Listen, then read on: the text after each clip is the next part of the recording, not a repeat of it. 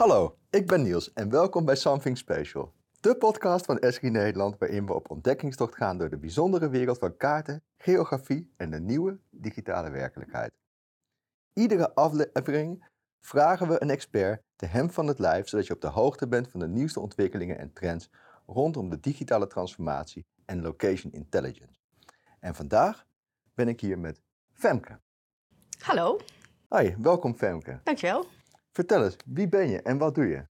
Eh, ik ben Femke en ik ben eh, productmarketing specialist bij Esri. En dat betekent dat ik me bezighoud met alle uitingen, onderzoeken, campagnes eh, vanuit productperspectief vanuit Esri. Ja, ja, en wij zijn collega's. Zeker. En ehm, nou ja, jij bent hier omdat we het vandaag gaan hebben over Living Digital Twin. Dat is een initiatief wat we hebben gelanceerd.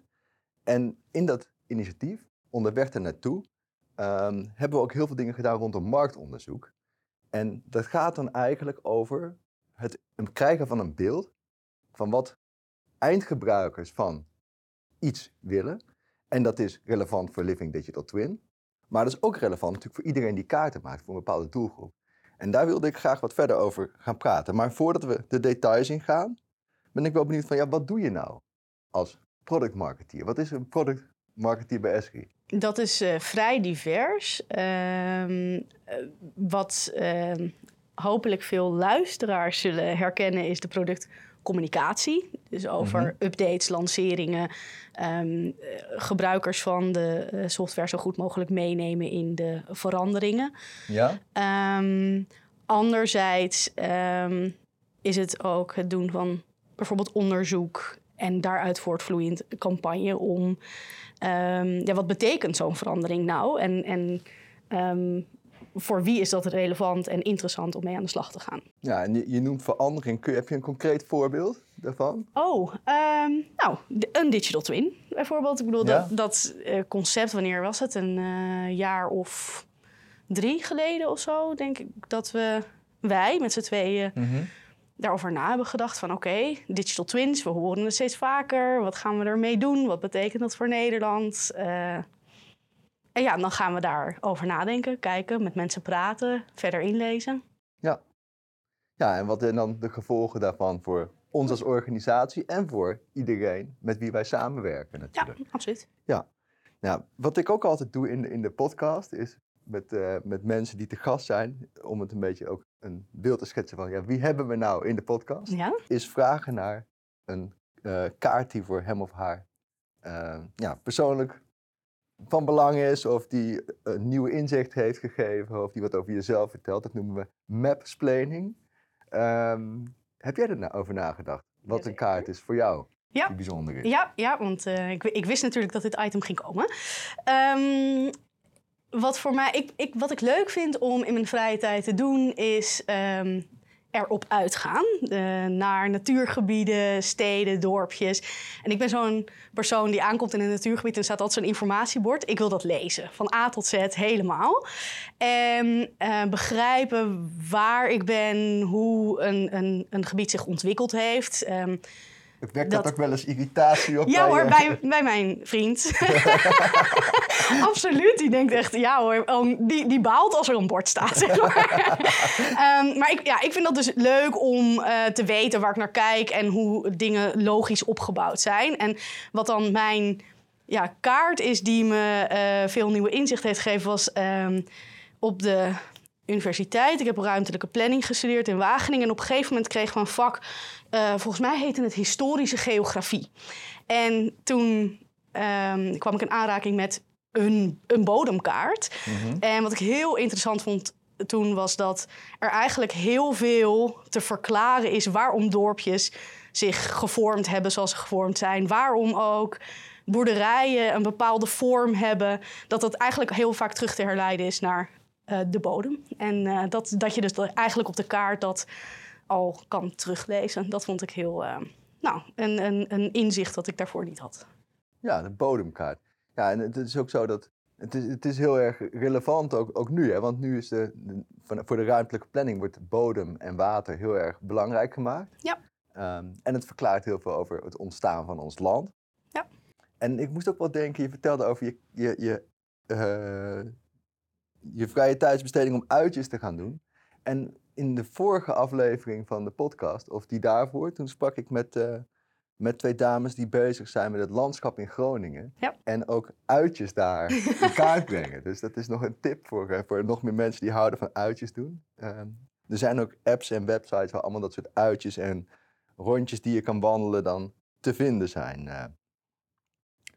Ja, nou we gaan in deze aflevering gaan we verder induiken op Living Digital Twin. En Living Digital Twin, dat is een initiatief waar we eigenlijk ehm, ja, allerlei mogelijkheden rondom het maken van digitale kopieën van de wereld om ons heen, en dat zijn vaak 3D-omgevingen, bij elkaar willen brengen. Omdat we erin geloven dat eh, ja, heel veel organisaties hebben één puzzelstukje van een opgave, zoals energietransitie, in handen.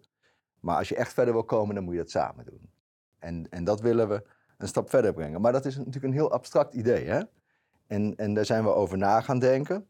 ehm, nou, ruim een jaar geleden. En ehm, van ja, hoe kunnen we nou daar een stap verder in zetten? En ik ben wel benieuwd om door jouw bril daarnaar te kijken. Van ja, hoe kijk je nou als product marketeer daar tegenaan? En wat kunnen wij als GIS-mensen ervan leren eh, van hoe je kijkt naar het achterhalen van behoeftes van eindgebruikers in, in de producten die we maken.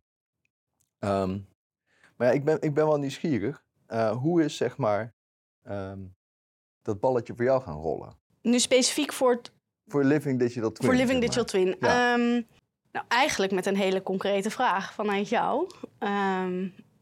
Dat we, we een landingsplaats, een omgeving, online omgeving willen creëren waar ehm, mensen die met digital twins aan de slag komen, samen kunnen komen. Mhm. Ja, goed idee, maar wat zetten we daar dan op? Ja, en, en toen ik het je vroeg, hoe keek je toen aan tegen digital twins in, in algemene zin?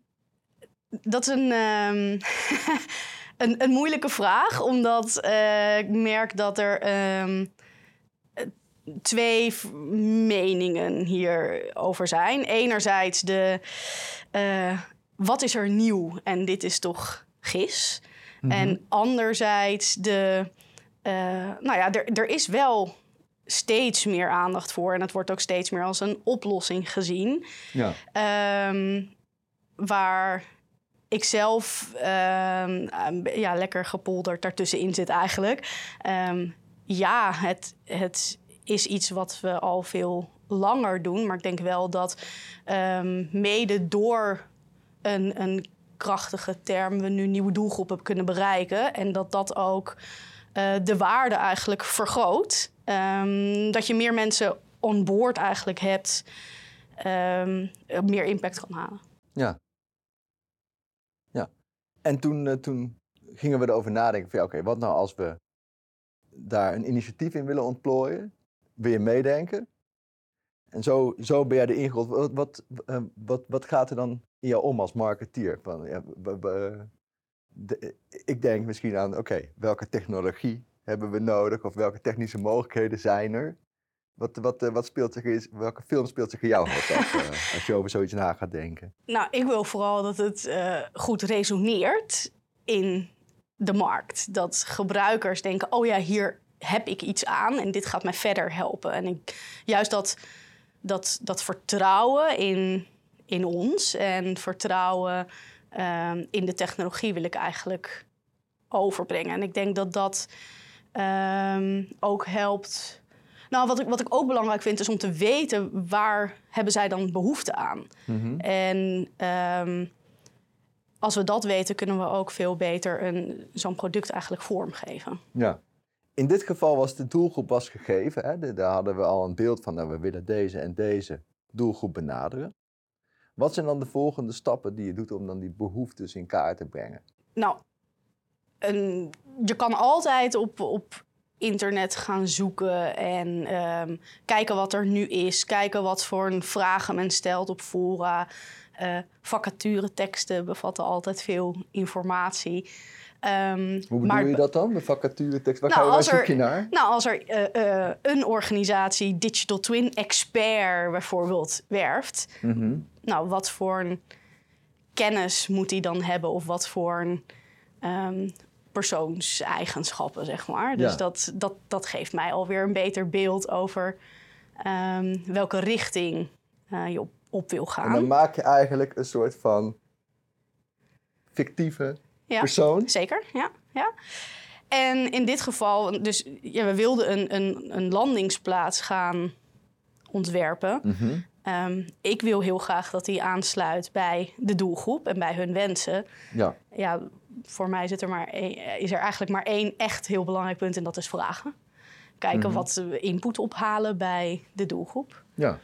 En, ehm, en dat hebben we gedaan. Nou, hoe ga je dan te werk? Verschillende. Nou, ja, we hebben een, een beetje nagedacht over. Als we nou niet aan de doelgroep vragen, wat, wat zouden we dan zelf bedacht hebben? En waar zit Lekker het dan? inside out, Lekker zeg inside out, zeker. Eh, en dan, wat zijn nou echt van die grote beslissingen eh, waar we eh, eigenlijk input op willen hebben? Want je kan, Ja. je kan niet op alle punten input ophalen. Dus wat zijn nou de grootste ja, keuzes of aannames die je doet? En ehm, waar kunnen we dan input op gebruiken? Ja. Ehm, en dat eh, hebben we eh, dus eerst zelf ontworpen, bekeken. En toen kwamen er twee grote, grote dingen eigenlijk uit. Eén was, eh, als we een viewer ontwerpen, wat moet die dan bevatten? Hoe moet het er dan uitzien? Ja. En een tweede was, wat voor ja, elementen of informatie moet die eh, landingsplaats dan bevatten? Ja. En dat zijn twee, dat is uitgewerkt in twee verschillende onderzoekjes bij de GISTEG van afgelopen jaar, ons ehm, tech-evenement. Eh, daar hebben we een, een, ja, een, een prototype viewer eigenlijk eh, op een ehm, laptop gezet en gevraagd eh, of mensen het willen testen. Ja. En ehm, dat hebben we gedaan volgens de Think Aloud testing methode. Dus ehm, eh, ga zitten, klik er doorheen en praat hardop wat je bevindingen zijn. Dus alles wat je denkt. Alles wat je gewoon zeggen. denkt, denk hardop. Ja. Eh, nou, daar hebben we heel veel aan gehad. Ja, wat, eh, eh, eh, is dat dan met name in hetgene wat, eh, wat je ziet dat de mensen doen met hun muis, zeg maar? Of is dat met name in hetgene wat, wat ze roepen dat ze missen? Of de, ik, weet- ik weet het Wat ze roepen is, is nog veel waardevoller. Oké, Ehm, ook omdat je bij waar ze klikken op de muis, dus we hebben dat eh, scherm opgenomen, hè, zodat je dus ook video terug kan kijken. En daar zit wel ehm, de vindbaarheid bijvoorbeeld. Maar als je hen laat praten, dan geven ze, eh, hoe zeg je dat, ook eh, extra informatie van ik kan het niet vinden, maar ook hetgeen wat ze dan zoeken. Dus Ja. daar zit veel meer informatie in dan alleen, in alleen het beeld, maar het versterkt elkaar. ja, dus eh, oh ja, ik had verwacht dat als ik hierop zou klikken, Precies. dat ik dan zou zoomen in plaats van of zo. Ja, Precies, en als je alleen het beeld hebt, dan weet je dat ze heel vaak klikken op één plek. En dat het niet is wat ze verwachten, maar wat ze wel willen, dat, dat weet je niet. En dat hoor je dus in tekst. Ja, dus wat je dan eigenlijk hebt gedaan is iets heel eenvoudigs neergezet. Ja. En gewoon een tafeltje met een stoel. Ja. En dan gewoon mensen uitgenodigd. Die, waren die van tevoren dan? Nee, nee, nee, waren gewoon mensen die op de beursvloer. Ja, dus ja, ze Ah. zijn even gebriefd van. Het gaat niet om hoe je hoeft niet goed te zijn, eh, maar ga gewoon zitten en, en ehm, hoe zeg je dat? We nemen jou als persoon zeg maar niet kwalijk als het niet lukt, maar het is juist informatief voor onszelf. We testen de applicatie Precies, en niet en jou. niet zeg. jou. Ja, dat. Oké. En, en eh, dan, dan, dan heb je dat een aantal keer gedaan. Ja. En eh, kwamen daar dan... Dat was, dat was voor het viewerdeel wat we wilden maken. Dat was voor het viewerdeel. Ja, En, en ehm, dan, toen heb je ook nog voor de website dingen gedaan. Ja, klopt. Eh, want daar was eigenlijk vooral van ja, wat, wat willen we daar dan op hebben staan en wat vinden we belangrijk? En wat we daar hebben gedaan is eigenlijk één hele grote ehm, ja, homepage eh, op, op tafel eh, gemaakt. Met allemaal geprinte ehm, componenten die je op zo'n homepage kan plaatsen. En eh, gevraagd van oké, eh, er er is een, een, een hoofdmenu en er is een footer standaard, waar we ook ja, de, de juridische informatie in kwijt moeten, zeg maar. En we hadden eh, geprint allemaal eh, ja, wireframe blokken. En de vraag was eigenlijk van, oké, jij bent geïnteresseerd in een digital twin of in digital twins. En welke informatie zou jij op die pagina willen zien? En wat zijn die wireframe blokken? Kun je een paar Ja, voorbeelden we hadden, geven? we hadden heel veel hoor. Veel meer dan dat ze erin kwijt zouden kunnen. Want dat was natuurlijk het hele idee. Ja. Eh, het was ehm, tekst ehm, over wat is een digital twin, eh, waarom, het data-aanbod, eh, video. Eh, even denken, wat hadden we nog meer? Ehm, eh, hoe? Hoe pak ik het aan? Eh, Allemaal elementen die je op zo'n site zou kunnen zetten. Precies. En we hadden ook een wildcard. Gewoon eh, blanco en, en mijn idee zit er niet tussen, maar ligt het toe, zeg maar. Ja. Dat, dus het, was, het was heel open en alles kon gekozen worden. Ja. Ja, en dat was ehm, heel leuk sowieso om ja, mensen met die kaartjes interactief bezig te zien. En het, het idee was, ze gaan eerst zelf ehm, ja, iets ontwerpen dus. We gaan ze niet onderbreken. En als zij zeggen, ja, ik ben klaar... dan heb je per component eigenlijk het gesprek erover. Van, oké, waarom heb je die bovenaan gezet? Wat verwacht je daar dan te zien? Dus het was bijvoorbeeld een, een tekstcomponent over... waarom wil ik een digital twin? Ja, dan ben ik weer benieuwd van, oké, maar wat verwacht je dan te lezen... als het een tekstcomponent was? Wat verwacht je te lezen in dat component? Ja, en, daar, en, en, en dat heb je ook met een aantal mensen gedaan. Ja, klopt. Nou, En- ik heb eigenlijk collega's gevraagd om dat Ja, je kan nog niet twee dingen tegelijk Nee, doen, dat kan maar niet, Je hebt nee. wel ge- ge- georganiseerd. Ja, ja, zeker, ja. Wat, wat, als ik het dan vertaal hè, naar, naar, naar mijn wereld, dan denk ik van ja, dit, dit zijn dingen die ten eerste, je hoeft niet een, een, een, onderzoeksbureau in de arm te nemen en daar een heel grote opdracht te geven om 15.000 mensen te gaan interviewen en daar een enquête resultaten van te krijgen. Het is heel erg eh, één op één, dat je heel direct je feedback krijgt. En dit kun je ook natuurlijk hartstikke goed doen als je een kaart moet maken voor een beleidsadviseur. Dan maak je een kaart en dan vraag je iemand om te gaan zitten en gewoon die kaart te bedienen. Op het, en, en te zeggen wat diegene denkt en op die manier het zeg maar te verbeteren. Klopt, eigenlijk is de vraag van wat verwacht je eindgebruiker? En in mijn geval, hi- hiervoor was de eindgebruiker eh, een, nou ja, eh, een gisser of een informatie. ehm, Analist of... eh, ja, die, die op zoek is naar informatie over digital twins. Ehm, maar als je met een digital twin aan de slag gaat, is je eindgebruiker een burger of collega of Ja. iemand anders. Ja. En kan je eenzelfde soort techniek doen. Ja. ja, en het hoeft dus ook helemaal niet af te zijn. Nog. Nee, nee. Absoluut niet. Eh, sterker nog, ehm, je kan natuurlijk meerdere iteraties doen. En hou het vooral, is, is mijn advies, hou het vooral laagdrempelig. Ehm, Mhm. Je hoeft niet duizend personen te hebben die dit ehm, eh, invullen of aanwezig zijn. En toch krijg je er wel heel veel inzicht uit. Nu ben ik wel nieuwsgierig. Hè? Je hebt het over die inzichten die eruit komen. Wat zijn nou echt heel opvallende dingen die, die je niet had verwacht dat ze zouden eruit komen? Ja, dus nou ja, dat is grappig, want we hebben dus in eerste instantie zelf een soort eh, ontwerp eh, gemaakt. Ja. Ehm, nou, en dat was nogal anders dan het eindresultaat. En dat is, dat is dus leuk. En dat Ja. is dus ook de waarde van zo'n eh, van zo'n onderzoek. Ehm, nou, twee dingen die echt ehm, heel erg opvallen. Ten eerste, ja, wij zijn eh, toch een organisatie die heel erg eh, in kaarten denken. En ik had verwacht, onze gebruikers ook, maar toch viel de viewer op de homepage af. ja. Die kwam letterlijk niet één keer terug in de wireframes die mensen ontworpen hadden. Wauw. En dat op een geo-congres. En dat een geocongres met alleen maar technische mensen en een technische doelgroep viel het toch af. Ja, ja. Nou, dat vond ik heel interessant. En, Ja. en niet helemaal in lijn met mijn verwachting. Maar Nee. dus heel waardevol om te weten. ja. ja en nog eh, andere... Ja, zeker. De, de, de tweede ehm, eh, grootste ja, eh, inzicht is eigenlijk dat ook heel technische mensen thematisch denken. Ehm, Wat bedoel je met thematisch? Ehm, nou, toepassingsgericht. Mhm. Dus ehm, eh, niet zozeer hoe maak ik een digital twin of wat zijn alle eh, typische analyses of tools of dat soort. Dat, daar lag de nadruk eh, eigenlijk totaal niet. Wat, wat ze aangaven, wat het belangrijkste inzicht is geweest, is we geloven er eigenlijk wel in. Maar Ja. we weten niet zo goed hoe we de waarde intern kunnen overbrengen. En, Ze wilden dan voorbeelden zien van Precies. wat, wat kan ik met die technologie voor een thema als klimaatadaptatie. Absoluut, dat, precies dat.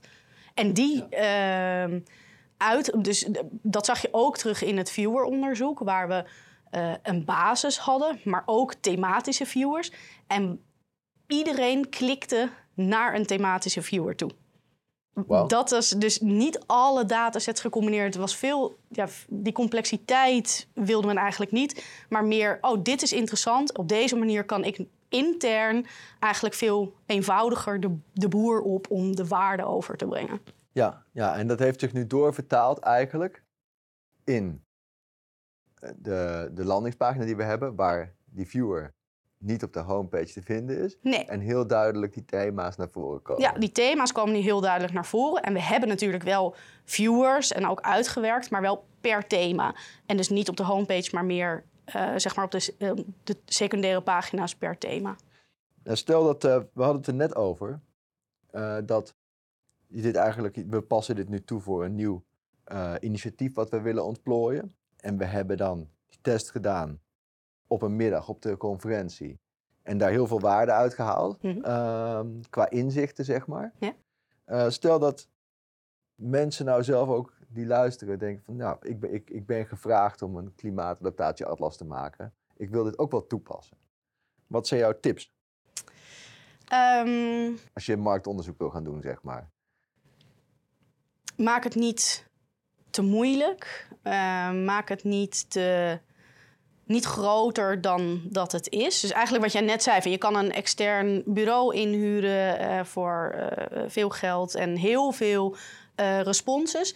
Dat is niet altijd nodig. En als je zelf iets gaat ontwikkelen, maak een prototype, leg die aan.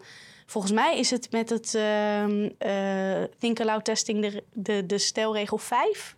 Ik dacht Mhm. vijf mensen testen, dan heb je 80% van je feedback binnen. Ja, dus je hoeft eigenlijk maar vijf mensen te laten think aloud testen. En Ja. dan de- bij de zesde is 80, pro- of, nee, of meer dan 80% is overlap met de eerdere ja, vijf. Dus ja. dan, ja, dus je zegt ook eigenlijk misschien wel, maak het niet een wetenschappelijke exercitie, maar haal Nee. gewoon de, eh, eh, de, de, de, de grote gemene delen Ja. eruit. Precies. Daar Ja. heb je het meest aan. En dat kost je relatief weinig moeite. Ja, en het is ook eh, volgens mij hartstikke leuk om te doen. Om, eh, om op die manier te testen, omdat je juist ziet wat, hoe mensen reageren op het idee wat je hebt gehad. Het is heel leuk om te doen, maar ik vind de reacties van mensen om wanneer ze bijdragen, die, dat maakt het nog leuker. Mensen vinden Ja? het echt heel leuk, ja. ja. Mensen zijn heel bereidwillig om mee te denken en hun ideeën te delen als je er naar vraagt. we moeten gewoon vaak naar mensen luisteren. Ja. Maar dat is denk ik in het hele leven zo.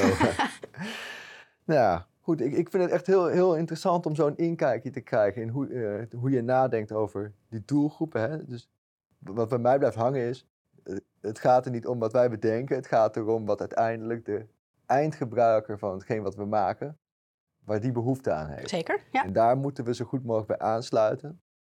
En dan kijken van, ja, bepaalde type eindgebruikers hebben andere type wensen.